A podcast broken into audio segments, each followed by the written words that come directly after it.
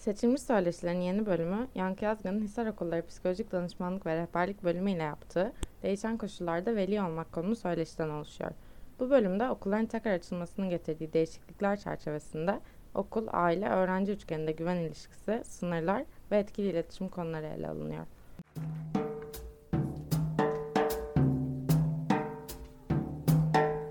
Geçtiğimiz bir buçuk seneyi e, evde bir izolasyon süreci şeklinde geçirdik. E, kendi yaptığımız işlerimizi yaptık ama evimizde ve uzaktan yaptık. Öğrencilerimiz de okula devam ettiler ama e, okulda değil evlerinde devam ettiler. E, ve bu evde okulu yaşamak hem öğrencide bazı değişikliklere neden oldu, hem ailede bazı değişikliklere neden oldu, hem de okul kavramında bazı değişikliklere neden oldu. Siz nasıl değerlendiriyorsunuz pandemi sürecinin ve online eğitimin hepimizin üzerinde bıraktığı etkileri? Biraz buradan başlayalım isterim.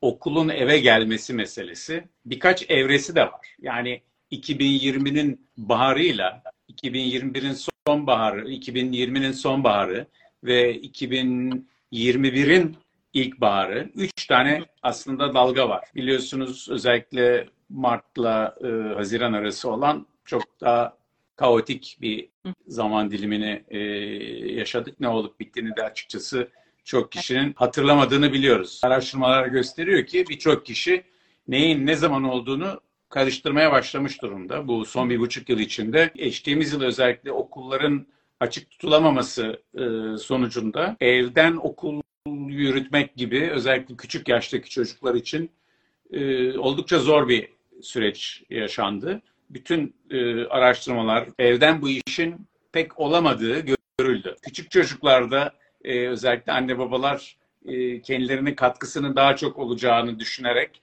e, kendilerini daha çok paraladılar. Birçok kişide ciddi hayal kırıklığı, keyifsizlik, tatsızlık oldu ve bu arada okul eve geldi diyoruz ama iş de eve geldi. Aslında hem çalışıp hem çocuk bakımı yapmak, hatta çocuğun eğitimini koordine etmek gibi bir takım işleri zaten yapmak bence imkansız. Buna rağmen ben tabii anne baba olmanın sorumluluğunu birçok kişinin kuvvetle hissetmiş olmasına da bir kanıttı bu.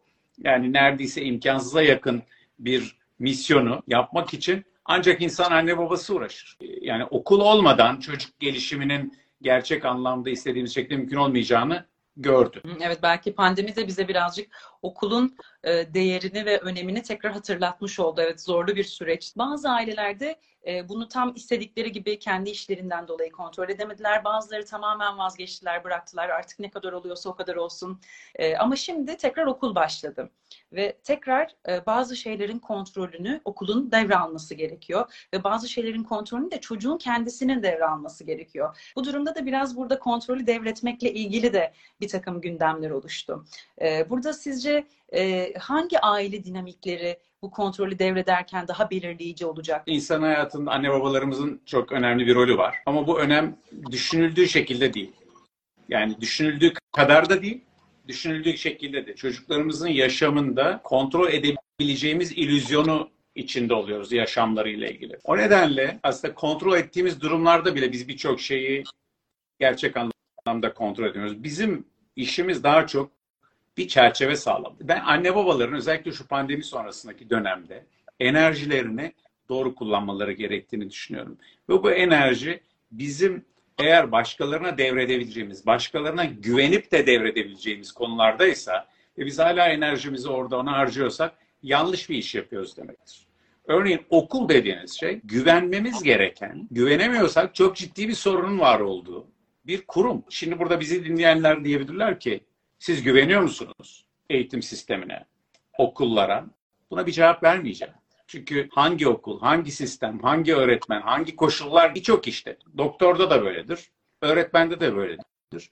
Karşımızdakinin işini iyi yaptığına inanıyorsak, güven duygusunun bilime, otoritelere bir güven sarsıntısının olduğu bir dönemdeyiz. Bu duygu ne? Yani bizi böyle biraz saçma sapan gözükebilecek ayrıntılarda kaybolmamızı ve çocuğumuzun hayatında oynayabileceğimiz başka roller yerine müfettiş rolüyle zamanımızı geçirmemize sebep olan duygu ne? Bunu araştırmak lazım. Her aile için bu duygu farklı olabiliyor. Hayatımızda şu anda en rolü olan, bizim üzerimizde etkisi olan nedir? Belirsizlik. Şu anda iki yıl öncesinden kestirilemez. Birisi söylese bilim kurgu hikayesi gibi gelecek olan bir yaşama girdik.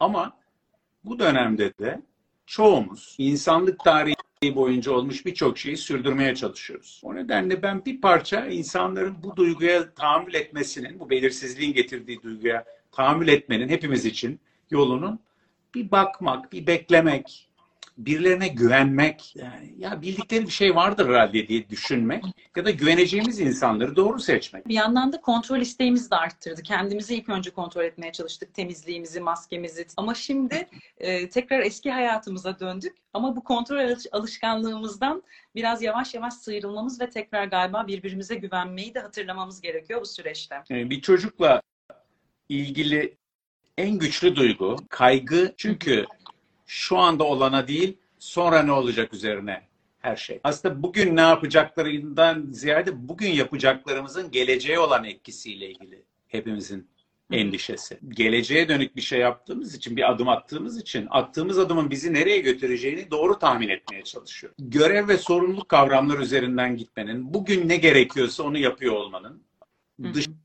dışında geleceği aslında etkileyen çok az şey var. Bugünün ne olduğuna bakmak. Bugün bizim için ne gerekiyor? İyi işleyen okullar sizi gelecek için hazırlanıyormuş duygusunu verebilirler ama yaptığınızın gelecekte olması üzerinden değil.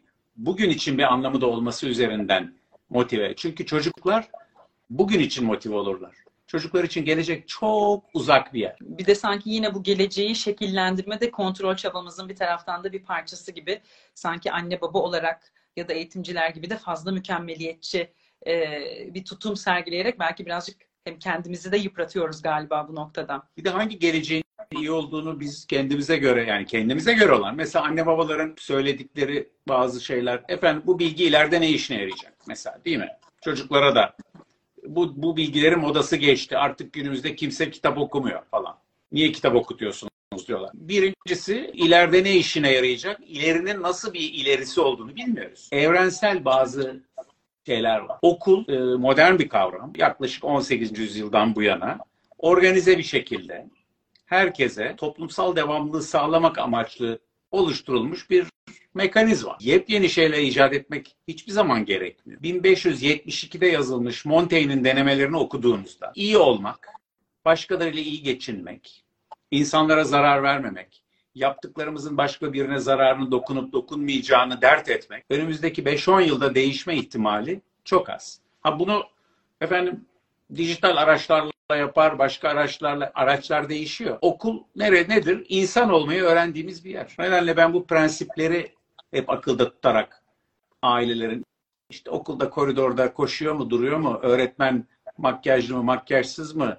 İşte hoca sesi yüksek mi, düşük mü? Bunlarla uğraşmamayı tavsiye ediyorum. Bize düşen görevleri yapıyor muyuz? Birisine zarar veriyor muyuz? Bence çok önemli. Yani modern toplumun temel sorusu yani empati üzerine hep empati empati herkes konuşuyor. Sadece kendi yararlanacağım bir düzen değil, başkalarının zarar görmeyeceği, hatta yararlanacağı bir düzen nasıl kurarım?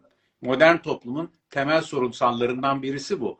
Ve biz bunun cevabını arayan gençler yetişsin diye e, okulda oluyoruz. Efendim sınavdan 100 almış 80. Bunlar çok önemli. Yani ben bunlar önemsiz demiyorum.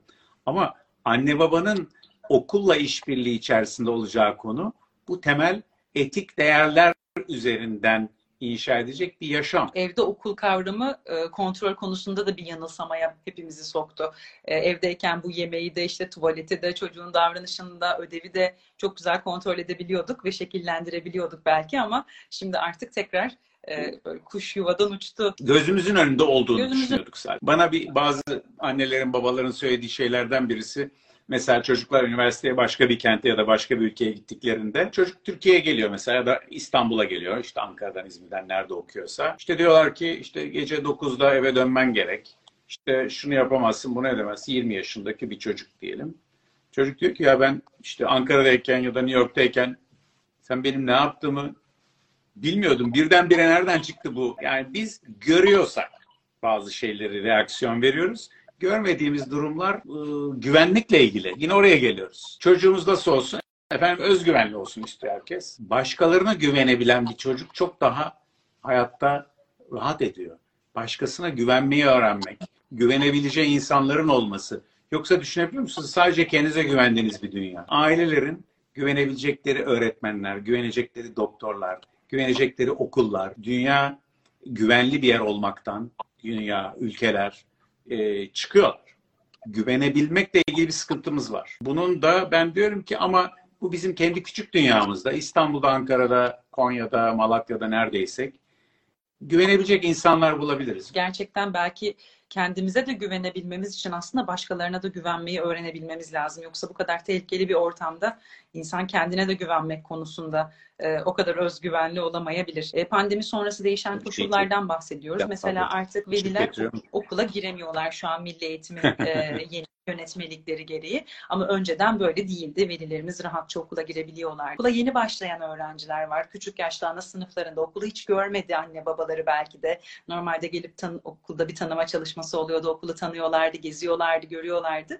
Şimdi bir de bazı velilerimiz de hem aradan ara seviyelere gelen hem de yeni başlayan velilerimiz okulu hiç görmeden çocuklarını okula gönderiyor durumundalar. Bu da birazcık galiba merakı da arttıran bir durum. Veli nereye bırakıyorum çocuğumu diye de anne babalarımız gerçekten endişelenebiliyorlar. Bu kaygıyla baş etme konusunda e, anne babalara bir e, öneriniz olabilir mi? Bu parametreler aslında ne kadar anlam ifade ediyor? Bizi rahatlatıyor. Bizi rahatlatma üzerine. Yani bunun kendimizle ilgili bir yanı olduğunu, görsel unsurlarına, somut elle tutulur unsurlara daha çok bakıyoruz.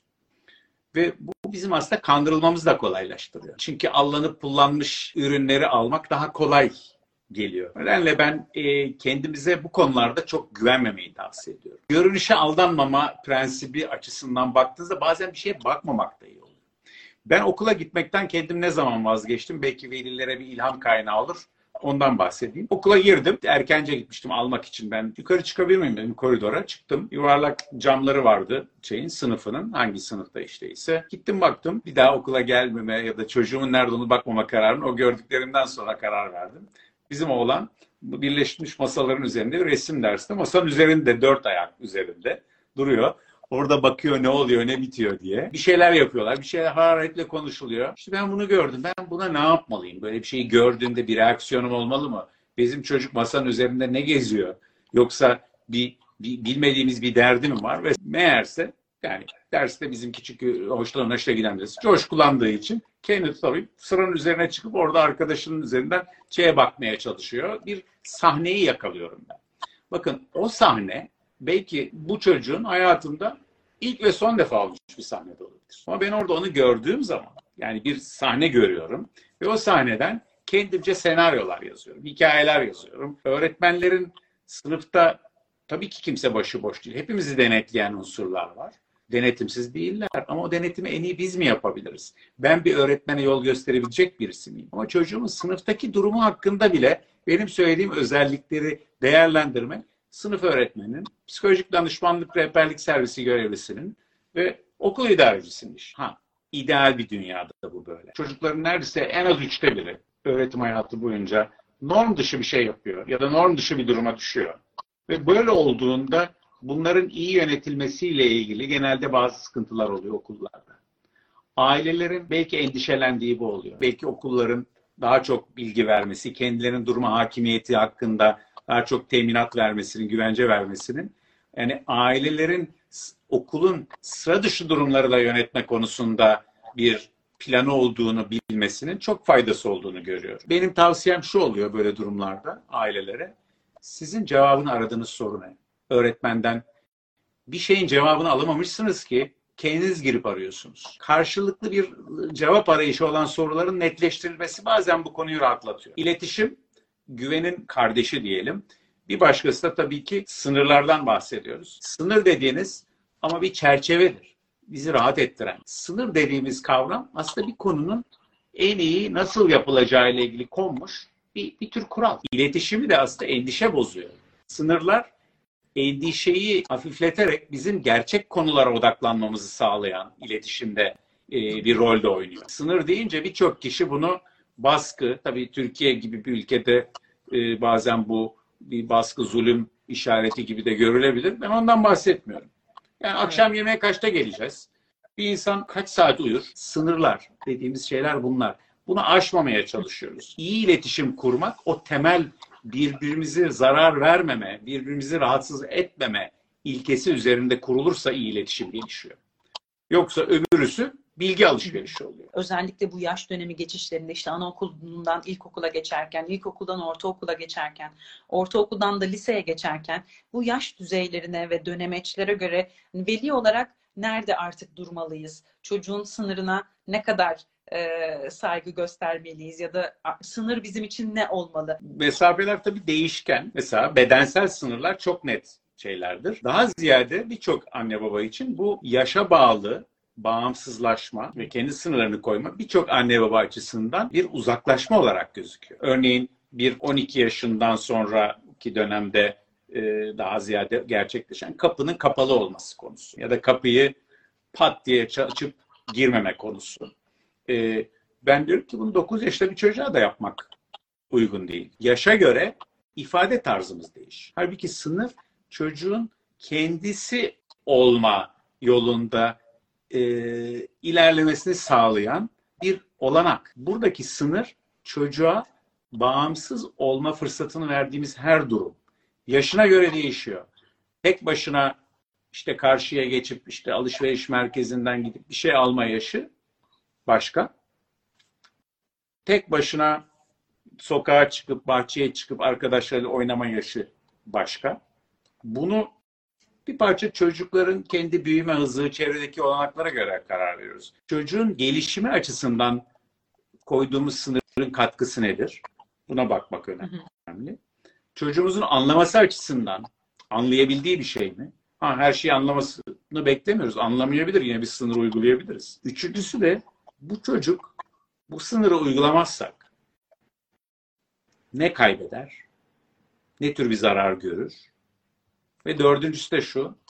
Bu sınırı ben çocuk için mi uyguluyorum yoksa kendi rahatım için mi uyguluyorum? Bir de tabii herhalde Yankı Hocam nereden başladığımız da önemli. Bugüne kadar hiç sınırlı bir e, hayatımız ve ebeveynlik tarzımız yoksa e, birden 14 yaşında ya da 15 yaşında bir gen, ergene sınır koymak da çok kolay olmayacaktır muhakkak. Bu hani otoritelere olan güvensizlikten bahsettik ya. Hı hı. Bazen de çocuklar anne babaların otoritelerine olan güvenleri sarsıldığı için onların hı hı. koyduğu sınırların doğruluğunu yanlışlığını tartışmaya başlıyorlar. Çelişkiyi aşabilmek önemli olan. Çocuklarımıza bunu kazandırmayı ben önemli buluyorum. O yüzden biraz arada tatsız konuşmalar olması. Galiba burada birazcık bu ıı, şey kavramına da geliyoruz. Orada da bir sınır karmaşası var galiba. Çocuğun e, ruhsal olarak sağlıklı olması ve mutlu olması e, arasında sanki bir eşitlik varmış gibi düşünüyoruz. Üzülmezse, e, hep mutlu olursa sanki o zaman ruhsal açıdan çok sağlıklı olacakmış gibi bir beklentimiz var.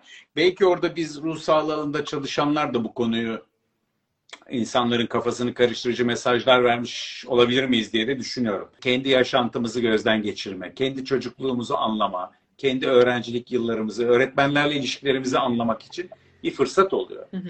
Bunu e, körlemesine mi yaşayacağız yoksa bilinçli bir farkındalıkla mı yaşayacağız? Anne babaların bazen yapması gereken bir tercihte bu olduğunu düşünüyorum. Pandemi bir parça bizim e, ölüm duygusunu, ölüm kavramını çok fazla aklımıza getirdi.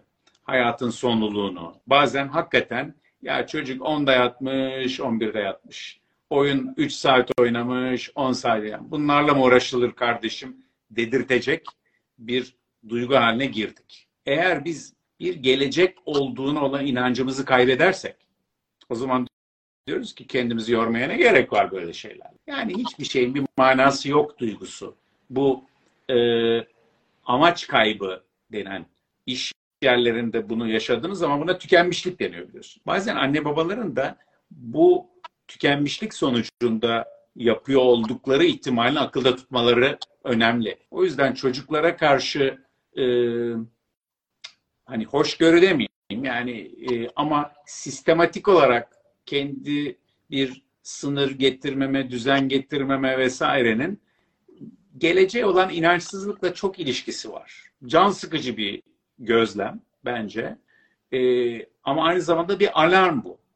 Yani bu normal bir durum değil diyorum ben. En azından iyi durumda olmadığını söyleyebilirsin. Yani ben iyi değilim. Yani ben bu işleri yani ben bunun bilgisayar saatini falan kontrol edebilecek gibi hissetmiyorum. Bu da bir kabuldür. Ama en azından canım bir önemi yok bunların demekten daha gerçekçi bir kabuldür. Şu anda bunu yapacak halde değilim. İnanın çocuğa bunu söylerseniz, bunu yapan anneler babalar var. Ben dediğim gibi e, ben yani sihirli değnekleri insanlardan kendilerinden alıyorum ve başkalarına veriyorum. Benim mesleğimde olan kişiler. Kendi icat ettiğimiz bir şey yok. Bazı bilimsel prensipler var. Ama onun dışında uygulamalarla ilgili önerilerimiz insanlardan topladığımız bilgiler. Bazı anne babalar diyorlar ki ben bunun yanlış olduğunu biliyorum. Çok yanlış bir şey yapıyorum sana e, müdahale edememekle.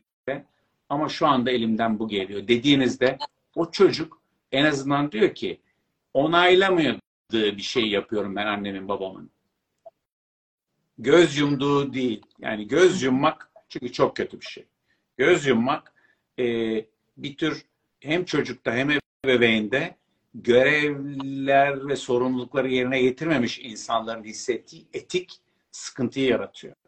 Çünkü hepimiz için görev ve görev ve sorumluluğu yerine getirmemiş olmak e, rahatsızlık yaratır. Çocuğa yansıması şöyle olabiliyor okulda gözlemlediğimiz. Mesela bir kuralla ilgili konuştuğumuzda ya da uyardığımızda ya hocam ne olacak ki? Hani bunu da görmezden geliverseniz e, diye düşünebiliyor çocuklar.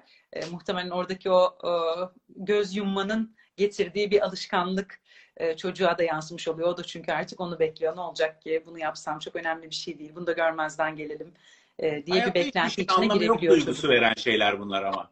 Yani anlatabiliyor muyum? Üzüntü yaşamın doğal duygularından birisidir ve en az sevinç kadar değerli bir duygudur.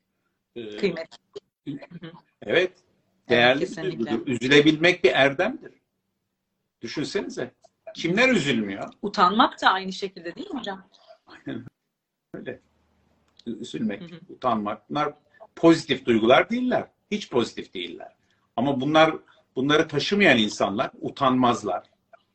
Ee, kimseye insafı olmayan merhametsizler.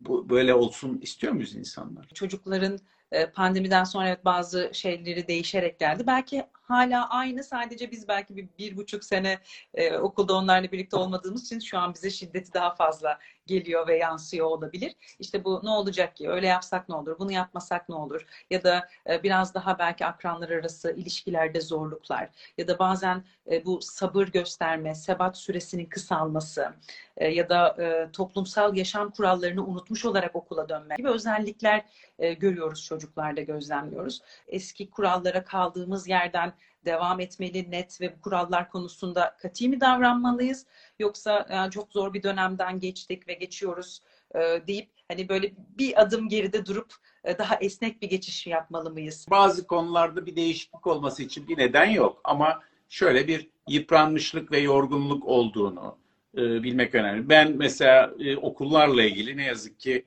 e, e, müfredatta ciddi bir sadeleşme yapmak için büyük bir fırsattı bu. E, hakikaten anlamsız derecede yüklü e, ve e, verimsiz işleyen bir içerikte değişiklik yapılabileceği bir dönemdi. O fırsatı kaçırdık hala. Mesela kazanılabilecek düzeyde eğitim içeriğini e, sadeleştirmek, eğitimin e, sosyal ve duygusal bireyin gelişimini sağlayacak şekilde içeriğin organize olması, insan yetiştirme e, odağına e, kayma için bir fırsattı. O olmadı. O nedenle ben örneğin ders yükünü e, deki yani kural gevşetme derken yük hafifletme diye onu daha çok tanımlamayı tercih ederim. E, kuralları muhafaza etmemek için bir sebep yok ama yükü hafifletebiliriz. E, kurallar ve sınırlardan bahsettiğimizde adaletli olarak herkese eşit uygulanan kurallardan bahsediyoruz. E, uyulabilecek sınırlardan bahsediyoruz.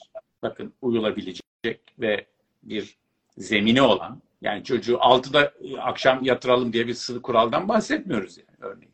E, o nedenle kural ve sınır kavramının e, doğru hepimizin uyması gerekir. Ama bunların da makul e, şekillerde olması ve adaletli olması çok çok çok mühim. O nedenle e, bizim yöneticiler, ana babalar, öğretmenler olarak baktığımız kısım bence bu olursa o zaman da bizim içimiz rahat olarak biz hayır buna uymak zorundasın diyebiliriz. Ama bizim de inanmadığımız çocuğa yani inanmamamız şurada çocuğa bir yararı olduğundan ötürü değil öyle yapılması söyleniyor birileri tarafından diye yaptığımız birçok şey de bizim kurallarla ilgili oynamamız başlıyor. Yoksa inandığımız bir kuralda kimsenin fazla bir aman bu kuralda olmasın. Yani işte yani demin örnek verirken tuvalet kuralını söylememin sebebi bu. Efendim tuvalet e, isteyen istediği yere yapabilir e, ihtiyacını kural, böyle bir şey kimse buna herkes itiraz eder yani oradaki şeyde. Çünkü o bir gerçeğe dayalı bir şey. Ama e, yani bazı şeyler var ki e, ihtiyaçlar ve güncel durum gözetilmeden konduysa o kural ve sınır ona uymak gerçekten zor oluyor. O zaman onu yöneticilerin yani sonuçta kuralda insanların koyduğu bir şey. Bir gökten zembille inmiyor. Bunları gözden geçirmek, bunu müzakereye açık olmak da bir biz yetişkinlere düşen bir kısım. Evlerde de yaşlara göre olan konu özellikle ergenlik yaşı müzakere etmeyi çocukların e, müzakere etmesine izin verdiğimiz konular var. Bazı şeyler müzakere edilebilir. Müzakere pazarlıktan bir farkı var. Pazarlık e, doğru yolu bulma gayreti değildir. Ne koparabilirsen kardır prensibine dayanır. Yani ticari bir kavram. Benim müzakere ise e, doğrunun ne olduğu konusunda bir tartışmadır. Yararlı olanın, doğru olanın. Yani e, o nedenle hı hı. pazarlığa hayır, müzakere evet. Öyle değil oradaki şey. Yani bargaining değil, hı hı. negotiation yapıyoruz yani. Çünkü o, evet. orada Güzel bir, bir oldu gerçekten. ortak or, ortak çıkar ve zemin üzerinden yani işbirliği kültürü üzerinden yoksa öbürü karşındakini kandırma, aldatma vesaire bir sürü şey içerir. Yani ben o kötüdür demiyorum. Yanlış anlamasın. Ticaretle uğraşan insanların hayatı bunun üzerinde kurulu olabilir. Ama burada ev içinde o kurallara göre değil, daha çok bir barış müzakeresi gibi. Hani geçen gün e, şeyde mesela Kurtuluş Savaşı'ndan sonra e, Atatürk'ün yürüttüğü birçok mesela barışçı politikadan bahsedilirken örnek verilen Türkiye'nin savaşta yendiği ve e, çok şeyler koparabileceği halde karşısındakine de bir el uzattığı, onun e, onurunu kırmadan diyelim ki bir savaşta e, onurunu kırmadan e, karşısındakine de bir kendini e, onurlu bir şekilde geri çekilme hakkı verdiği üzerine örnekler vardı. 29 Ekim kutlamaları değişik şeyleri dinlerken karşımızdakini ezmek, yok etmek değil maksadımız. Ortak bir nokta bulmak. Dünyada nasıl barış da öyle bir şey. Herkesin bir arada insanca yaşayabileceği, hakkını aldığına inanabileceği bir düzen kurmak istiyoruz. Yani böyle kurmak isteyenler var. Yani öyle diyelim. Okul ve aile de böyle bir yer. E, kimse kimsenin e, hakkını alarak, çalarak e, öne geçmesini istemiyoruz altta kalanın canı çıksın kültürünü istemiyoruz. Efendim o da öyle yapmasaydı, böyle yapmasaydı bu tip şeyleri istemiyoruz. Beraber yani bu tip yani tek başına kurtuluşun olmadığı bir kriz içerisindeyiz. Tek başına kurtulmaya çalışmak mümkün değil. O nedenle bence pandemi öncesi pandemi sonrası arasındaki fark nedir diye sorulursa e, bu dünyada tek başına bir şey yapma şansımız yok. Beraberce birbirimizle e, dayanışma halinde ve müzakere halinde bunu yapabiliriz. Aşılama konusundan tutun maske takmaya kadar her konu aslında bu konu çerçevesinde baktığınızda görüyorsunuz. Ee, insanların başkasına zarar vermeyi önemseyenler ve önemsemeyenler. Kutuplaşmadan bahsediyor. Solcu, sağcı, ilerici, gerici değil ben başkalarına zarar verip ver, vermek umurumda mı değil mi? Bu soru üzerinden mesela bir kutuplaşma var. E, oradaki safımız neresi? Ben başkasına zarar gör, ver, vermek benim için sorun değil ama ben zarar görmeyeyim diyenler hı hı. bazen e, onlarla aramız çok iyi olmayabiliyor. Evet galiba bu gecenin e, kilit noktası biraz bu bütün ilişkilerimizde ve belki dünyaya bakışımızda e, güven konusu oldu ve başkasına zarar vermeme ve böylece kendi sınırlarımızı da bunun üzerinden kurma e, kısmı üzerinde durduğumuz ve vurguladığımız bir konu oldu. Bence her e, hem eğitim açısından hem anne baba ebeveynlik ilişkileri açısından hem iş hayatı açısından hem de sokaktaki günlük hayatımız açısından da oldukça işe yarayacak kavramlar üzerinde durmuş olduk. Ee, çok teşekkür ediyorum. Çok güzel vurgu yaptınız e, tüm bu ilişkileri düzenleyecek olan temel kavramlara hepimizin birbirimize ihtiyacı var ve birbirimize de güvenmeye, bazen de tolere etmeye, biraz bazı şeyler için belki sabretmeye e, ve inançla beklemeye birazcık da ihtiyacımız var gibi duruyor bugünlerde. Beklemek çok önemli bir kavram. Ee, beklemek e, çünkü çoğumuzun, hiçbirimiz tam değiliz dediğiniz gibi. Ee, ama beklemek, karşımızdakine fırsat vermek, e, e, bu gibi becerileri e, okul öncesinden itibaren kazanıyoruz. Okul öncesi eğitim, e, örneğin Türkiye'de hala e, evrenselleşmemiş. Yani 3 yaştan itibaren bu bizi sarstı, geleceğe bakışımızı etkiledi. Bizi bir parça daha e, gelecek perspektifimizi kaybettiren bir yanı oldu. Anlam duygusunu kaybediyor. Yani e, o nedenle hani hep e, baktığınız zaman e, örneğin hani Nazım Hikmet'in şiirinde belirttiği gibi 70'inde zeytin ağacı dikip meyvesini yiyip yemeyeceğini düşünmeden yapılan hareketlerden bahsediyorum. Ben şimdiyi düşünüp gelecek için bir şey yapmak derken. Ben zeytin ağacını dikiyor, Evet. dikiyorum. Allah meyvesini yer miyim, yemez miyim bilmiyorum.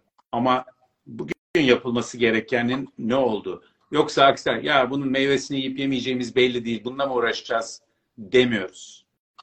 Ama bu bir perspektif mesela. Bu perspektifi pandemi kaybettirdi birçok kişide. Ee, bunu tekrar geri kazanmak en önemli e, hedeflerimizden birisi bu olmalı diye düşünüyorum. Buna hizmet etmeyen hiçbir yükü taşımak zorunda değiliz. Ama buna e, bu amaca dönük e, hepimizin düşünme yükümlülüğü var.